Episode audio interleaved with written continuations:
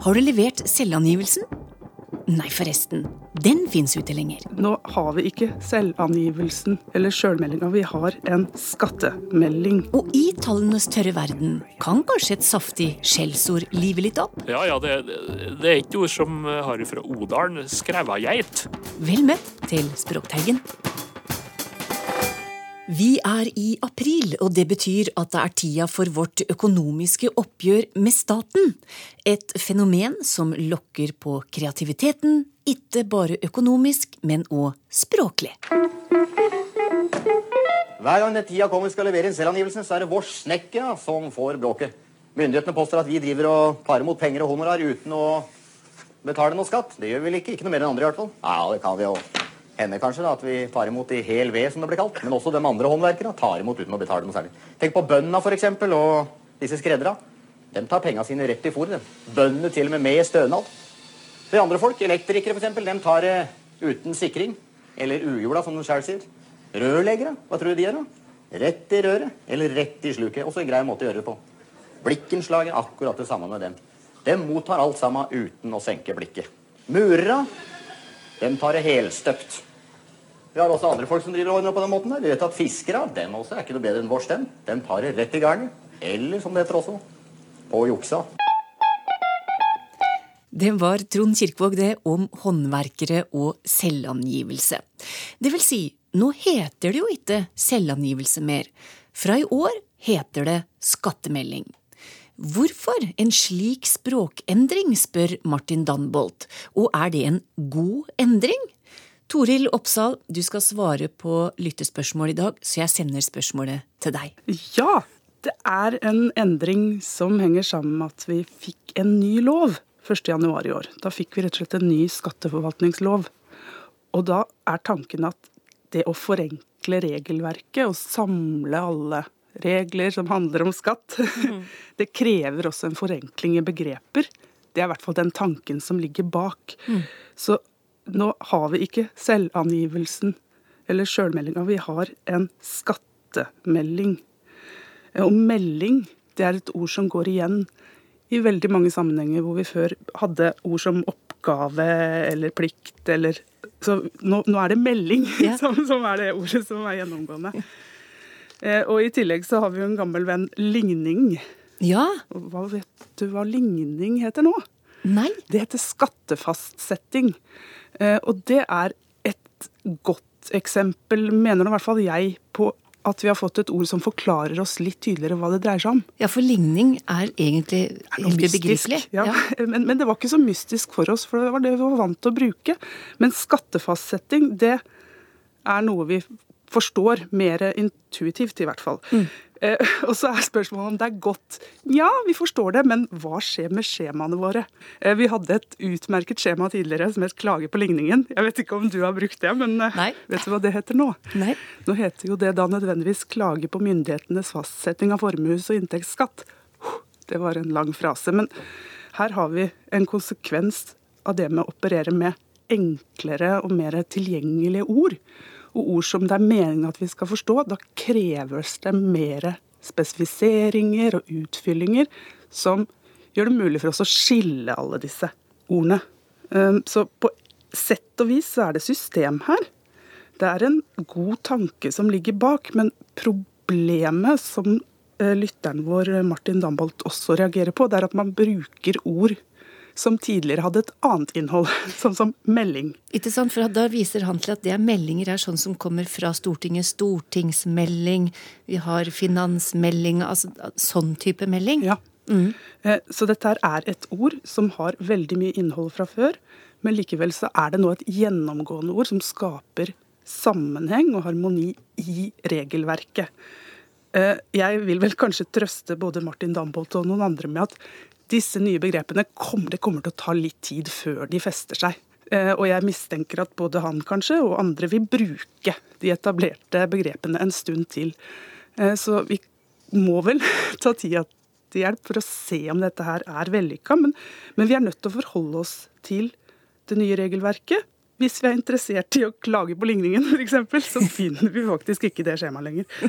Jo, det, vi finner det vel en stund, men, men det har fått nye navn. Vil du fylle ut en endringsoppgave. Hva gjør du da, tror du? Vet ikke. Endringsmelding, selvfølgelig. Alt har blitt melding. Men kan vi si noe om eh, det ordet som er blitt erstatta, da? Altså selvangivelse. Jeg syns jo ikke det var så positivt i utgangspunktet heller. Nei, Angi meg selv? Kanskje ikke.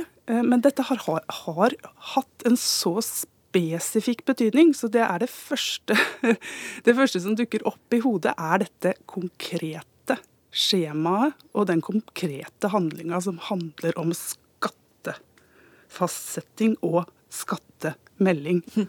Ja, vi får se hvor lang tid det tar før det nye ordet skattemelding har festet seg hos oss. Toril Oppsal svarer på flere lytterspørsmål senere i sendinga.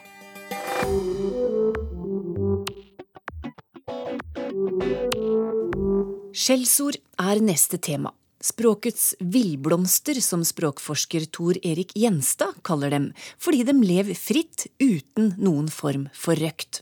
Vi har hørt en del skjellsord i Språkteigen de siste uken. Lakeboddel. Bodlehonk. Fjottball. Du er vel en av de desidert største flanagarpa jeg kjenner til i det hele tatt. Ostemål. Tyl. Snøsokk. Svimhaug. I dag skal vi høre at eh, menneskets nærkontakt med dyr setter sitt preg på mange skjellsord. Dyr har oss rundt oss, ja, og, særlig da husdyra. Det er kanskje dem oss har det nærest forholdet til å, å kjenne best med, med oppførsel og, og typiske egenskaper. De kan jo bli eh, nærmest som et familiemedlem. Og, og igjen, her er det en sånn overordna styrende metafor, at det er mennesket som du skjeller ut, enten tiltale eller omtale, det er ikke mer verdt enn et dyr. Grisetryne. Gara. Bikkje. Humlepung. For ikke å, å, å, å, ta det ganske så opplagt at det er ei skravlehøne, da. Vi kan jo starte med, med bukk, da. Ja. De kan jo være sta. Så da får du jo stabukk og stribukk og tverrbukk, sjølsagt. Samtidig så har du jo eh, bukken som avlsdyktig hanndyr. og det gjelder jo både geitbukk og reinsbukk og andre. Og da blir det jo anvendelig det her å bruke på litt kåte, utuktige mannspersoner. Og da har det jo kommet inn i det her helt allmennorske horebukk, ikke sant. Ja. Og du vil jo få geita eh, tilsvarende med som jålgeit og tullgeit. Det er jo hokjønn. Ja ja, det, det er ikke ord som har fra Odalen. Skrevageit. Det, det kan være allment nedsettende som en person du vil si et eller annet helt generelt negativt om, men det er også bruka om en breibeint person. Oh. Det er ei skrevageit. Å ja, jeg tenkte på noe helt annet. Ja, det kan sikkert uh, være om det du tenker på. Dessverre så er de av og til litt kvinnediskriminerende, de her skjellsordene. Men går det verst utover damene? Eh, det kommer jo litt an på. Og en anmelder i Dagbladet, da jeg skrev den første skjellsordboka mi, og der prøvde jeg å dele opp litt etter kjønn, og hun eh, konstaterte at her var det jo egentlig litt likestilling. Ja, så har du jo merra, sjølsagt, og da blir det jo kvinnfolk. Ja. Da får du slik som eh, latmerr og så videre. Mange skuffelmerr er jo et trøndersk ord for ei Det er jo ei kvinnfolk da, som eh, kommer borti ting og river ned og ødelegger. Hun er skufflott, som en vil si. Og så må jeg jo nevne eh, da den her svinmerra. Svinmerr, eh, trøndersk, det er egentlig to ting. Det er jo ei som er litt på tråden. Men også kan være om ei som er urenslig. Og det er jo et kjent eh, og nokså vulgært skjellsord. Og så har vi jo det her trønderske ordet for pornoblad, da, som er svinmerrkatalog. Hesten er jo sterk. Og du har mange sammensetninger med både hest og gamp om ja, litt hardhendte og uvørne personer. En brotthest, for eksempel, eller en brått gamp. Og det er jo litt både positivt og negativt, men det er jo gjerne da at den er litt for hardhendt, eksempel med verktøy og utstyr. Og sjølsagt så finner du jo stahest, og disse tider kan vi vel tillate oss å nevne ordet tromphest og om en skikkelig stabeis. Det er registrert som dialektord fra høylandet Namdalen. Det er tromphest, det har ei betydning til. Eh, Det er notert fra Hemnes oppe i Nordland, det, og om en som ikke akkurat er noe skolelys, da. Og da kommer vi jo til grisen. Ja. Og den nå er jo sjølsagt bruka eh, som skjellsord. Eh, Dessverre så brukes jo gris som en eh, person. ja. Lortgris, lortpork og, og rotgris og rotpork òg. Altså at det er, det er rotete og lite ordentlig. Men så har du jo òg sovagris, for eksempel. Eh, Så det, det går jo på at en er glad til å ligge og ta det med ro. Så det er mange husdyr, eh, men det er også ville dyr, sjølsagt. Og der kan vi nå kanskje ta med bjørn, da. Bjørn han er jo kjent for å være sterk og brutal, og da får du jo en del eh, slike ord til å karakterisere folk her også, som er hardhendt, som, som strever på, men som kanskje har lett for å ødelegge redskapen. Ikke minst det her brottabjørn, eller brottobjørn i trøndersk.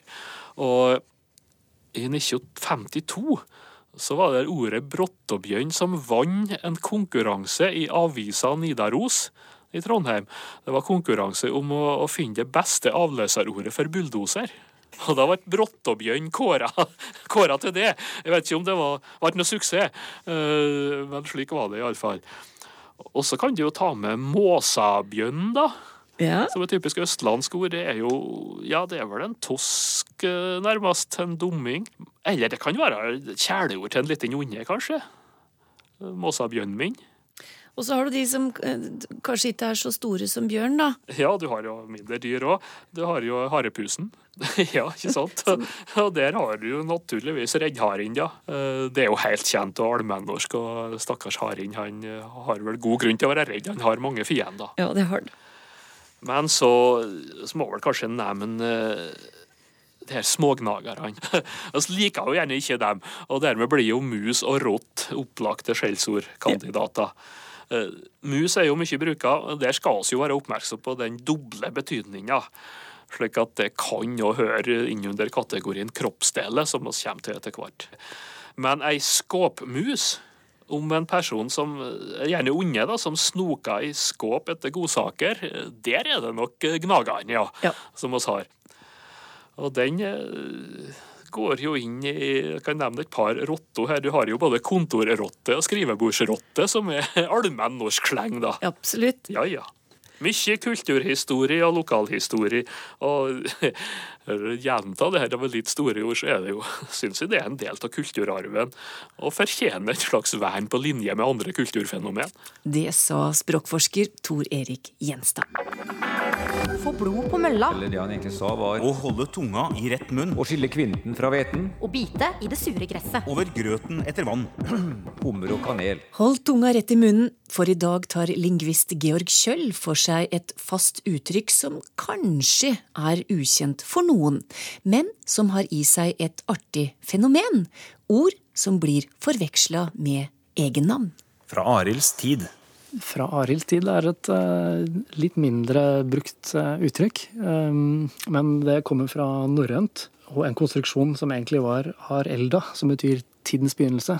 Så når vi snakker om eh, at noe er fra Arilds tid, så betyr det at det er eh, fryktelig gammelt.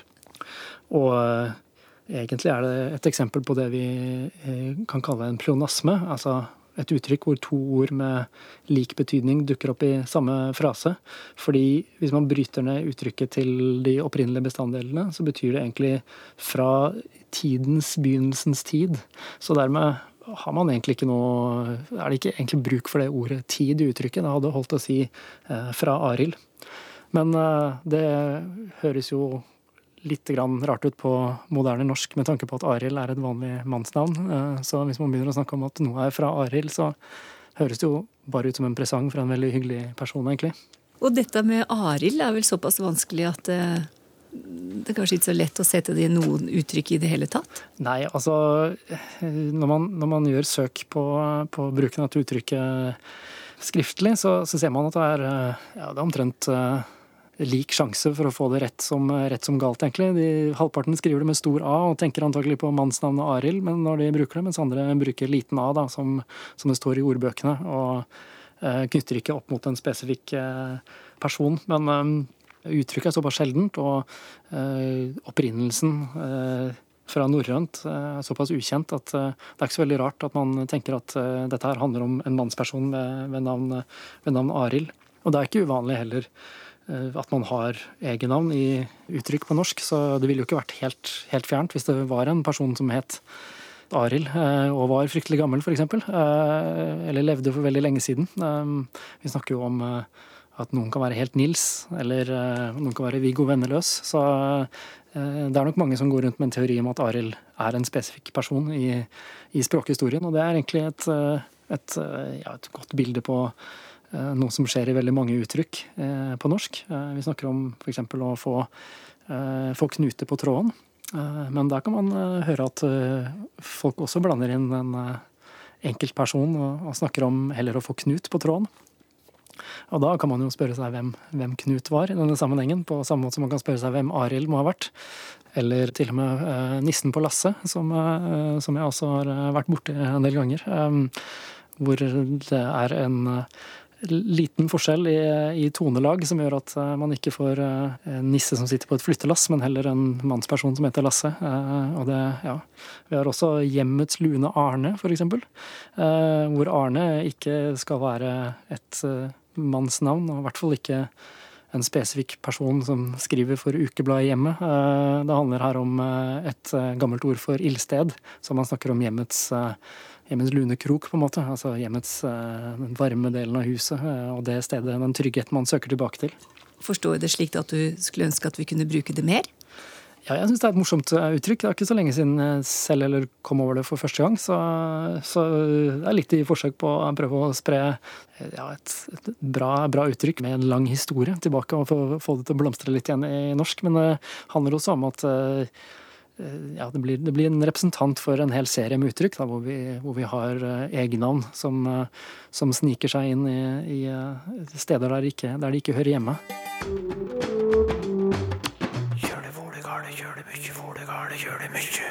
Da er det klart for flere lytterspørsmål, og Toril Oppsal er fortsatt med for å gi svar. Lars Bremnes Ese skriver etter å ha lest Olav Duns Juvik-folket, lurer jeg på hva det vil si å blistre. Dun prater mye om blistring, blistra og blistre, og da spesielt i situasjoner med sinne og frustrasjon. Jeg har spurt rundt, men finner ikke svar. Men Toril, du kan kanskje hjelpe? Jeg kan hjelpe Lars. Dette betyr å plystre. Og i veldig mange av de tilfellene som Olav Duun skriver om, så er det rett og slett snakk om å frembringe en melodi med leppene. Kan du plystre? ja, der ja. Hm. Nå hørtes det ut som Odin, som Olav Duun skriver om. Ja. Odin blistra ein, to, tre toner. Så her har vi rett og slett det å plystre. Det er en dikter fra ditt hjemfylke, Alf Prøysen, ja. Han blistrer i noen av visene sine. Mm. Men blistre og plystre, det kan også bety mer generelt det å pipe og hvese og hvine. Og her hører du nesten at jeg sitter og hutrer, fordi eh, været det er noe som blistrer. Og det skriver også Dun om, hvordan maiværet blistra mm. kring husa med vind og regn. Eh, men Lars Bremnes han har jo funnet flere eksempler på at dette her opptrer i samband med sinne eller frustrasjon. Ja. Og det å plystre og hvese og pipe og hvine, det er noe i hvert fall jeg tydelig ser for meg i samband med en trykkoker. Eh, eller når eh, det nærmest suser og piper røyk ut av døra, øra på Donald Duck. Altså, kan du se for deg den tegneseriefiguren når han er frustrert? Yep. Her har du nok den ganske klassiske metaforen der trykkokeren og denne pipinga og hvesinga eh, finner sted, og da er det ikke uventa at vi også finner blistre i den type situasjoner. Men det er rett og slett plystre. Har utfordringa nå overtatt for alle problema, undrer Finn Otto Arenberg. Han hørte en stortingspolitiker si følgende på radio. Jeg har ingen utfordringer med å innrømme at prikk, prikk, prikk. Og når skjedde det egentlig, Toril, at utfordringer begynte å overta for problemer? Ja! Det er litt Det er et problem, eller i hvert fall en utfordring, får vi se, å, å, å tidfeste dette nøyaktig. Men det er veldig mye som tyder på, og også dersom man går inn i større aviskorpus, altså samlinger av avistekster, eh, at disse utfordringene har skutt jeg vil nesten si rakettfart fra midten av 1990-tallet og framover. Og dette passer veldig bra med en forestilling om at dette handler om ja, hva skal jeg nesten si, invasjonen fra New Public Management, og der man så en tendens til å ønske å overføre prosesser og tenkemåter fra privat næringsliv til offentlig forvaltning, der dette gikk inn i politikersjargong særlig. Eh, fordi utfordring, det, det gir meg muligheten til å vise handlekraft, Møter jeg en utfordring, så kan jeg brette opp eh, ermene og gyve løs. Mens problemer, det, det, er noe man ikke nødvendigvis rår over. Det er antagelig eh, en eh, slik tankegang som ligger bak. Men det fins illsinte nettdiskusjoner om dette fenomenet, og de fastholder alle sammen at det eksisterer en semantisk forskjell på utfordringer og problemer. Eh, som, som, gjør at vi, vi, bør, vi, bør, holde på problemene våre. Og en del sammensatte uttrykk og faste uttrykk tyder jo også på dette. Sitter jeg her nå med et forklaringsproblem? Eller en forklaringsutfordring? Jeg, akkurat nå er det kanskje det siste, men, men, men dette er nok et skille vi bør opprettholde. Men at det har blitt forferdelig mange utfordringer, det viser jo også dette eksempelet fra uh, lytteren vår, Finn Otto Arenberg. Det er noe litt snålt i dette eksempelet fra politikeren. Ja. Jeg har ingen utfordringer med å innrømme at. Mm. Og jeg mistenker at dette her handler om akkurat den konstruksjonen, til dels. Uh, her er det en nektelse. For vi ser Altså, Én ting er faste uttrykk og ordtak og den slags, men vi har også noe som heter kollokasjoner. Og det er rett og slett en sammenstilling av ord som ofte opptrer sammen. Mm. Og utgjør på sett og vis en grammatisk enhet. Og hvis du nå går ut på gata og spør ti personer eh, Ingen X med Å. Jeg har ingen X med Å. Da tror jeg mange av dem ville fylle ut den X-en med problemer. Ja. Det er det ordet som popper opp først i denne sammenhengen, og det er en veldig hyppig forekommende ordkonstruksjon. Mm. Så akkurat her er det noe litt snålt. Eh, men innholdsmessig så tror jeg nok eh, denne politikeren er en god politiker og viser, viser handlekraft, og det er nok et ønske som, som ligger bak. Men er det mulig å si forskjell på utfordring og problem? Eh, altså det er vel litt det jeg var inne på, at problemer er noe du ikke rår over, og du ikke nødvendigvis ser enden på. Eh, og noe du må ta tak i. Eh, så, så, den er mer presserende, kan vi si det på den måten. Mm. Det har stoppa opp, og vi kommer ikke videre fordi vi har et problem. Har du en utfordring, så veit du hva du skal gjøre, og du ønsker å komme videre. Det, det er nok den, den nyansen som, som, i hvert fall gjør det aktuelt å tenke seg hvorfor denne bruken har oppstått. Mm. I en matprat på engelsk så kom vi inn på baking. Og det kom fram at dem bruker ordet rullepinn, der vi har det mye flottere ordet kjevle. Men hvordan har vi fått et så spesifikt ord for dette utmerkede redskapet, spør Knut Yngve Børsheim. Altså hvor kommer ordet kjevle fra? Ja, eh, vi er så heldige å ha et ord, kjevle. Og vet du hva det betyr, Torunn? Det betyr nettopp en liten rund pinne. Så, så, så der har vi, eh, har vi, på sett og vis både, både oppgaven og løsningen. Eh, kjevle kommer langt tilbake fra, fra norrønt, kevli, som er en liten, rund stokk eller trepinne. Så dette her er en diminutiv av et ord kavl, eller kavle, som også fins og er i bruk fortsatt. Så det er rett og slett det samme, samme begrepet, men vi har et eget ord, kevli. Og denne herre kjevle kan også brukes utafor matprogrammene. Eh, Det er nok der vi primært ser for oss kjevle nå. Et sånt, eh, ja, en eh, rull gjerne av tre med håndtak i begge ender, som vi bruker til å forme pizza, f.eks. Yeah. Eller deigen ut i flatbrød. Av og til kan ha rugler, men, men det fins også andre små trepinner. Eh, Noen kan vi bruke til å binde fiskegarn på. Det fins pinner som vi kan binde i munnen på dyr. Det fins selepinner, det fins små, runde pinner til å nøste tråd på. Og i dialektene våre så heter dette ofte nettopp kjevle. Oh. Så vi har, eh, vi har en pinne, og den er liten, og den er rund, og den heter kjevle. Og den kan vi bruke til så mangt. Ja, veldig anvendelig. Mm. Ja, ja, det var jo bare en rullepinne likevel, altså. Ja, det var, var det. Hvorfor heter det blånekte, spør Ivar Karlsaune. Blånekte. Ja, blå er et eh, forsterkende forledd som vi finner også i andre ord. Eh, blåslite er et verb, og da sliter du av all makt. Og du kan ha et blåtak, og det er et tak som aldri glipper. Eh, det er ikke ord vi bruker så veldig ofte, tror jeg, du og jeg, men eh, Nei. blånøye, det kan du kanskje ha brukt. Mm. Er det så blånøye? Ja, det er nok det. Men hva er dette? Er det en smurfeinvasjon? Nei, det er nok ikke fargen blå dette her handler om. En idé som er fremme, er at dette her er en forvanskning av brå.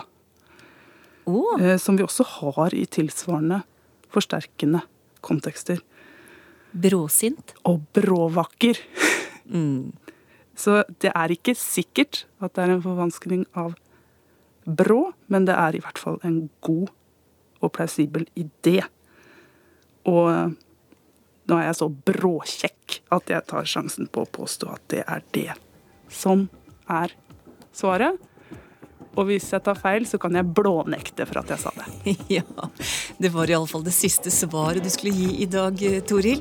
Takk til deg. Og har du spørsmål eller tips, så kan du sende SMS med kodeord 'Teigen' til 1987 for ei krone. Send e-post teigen krøllalfa nrk.no, eller bruk NRK P2 på Facebook. Ha det bra!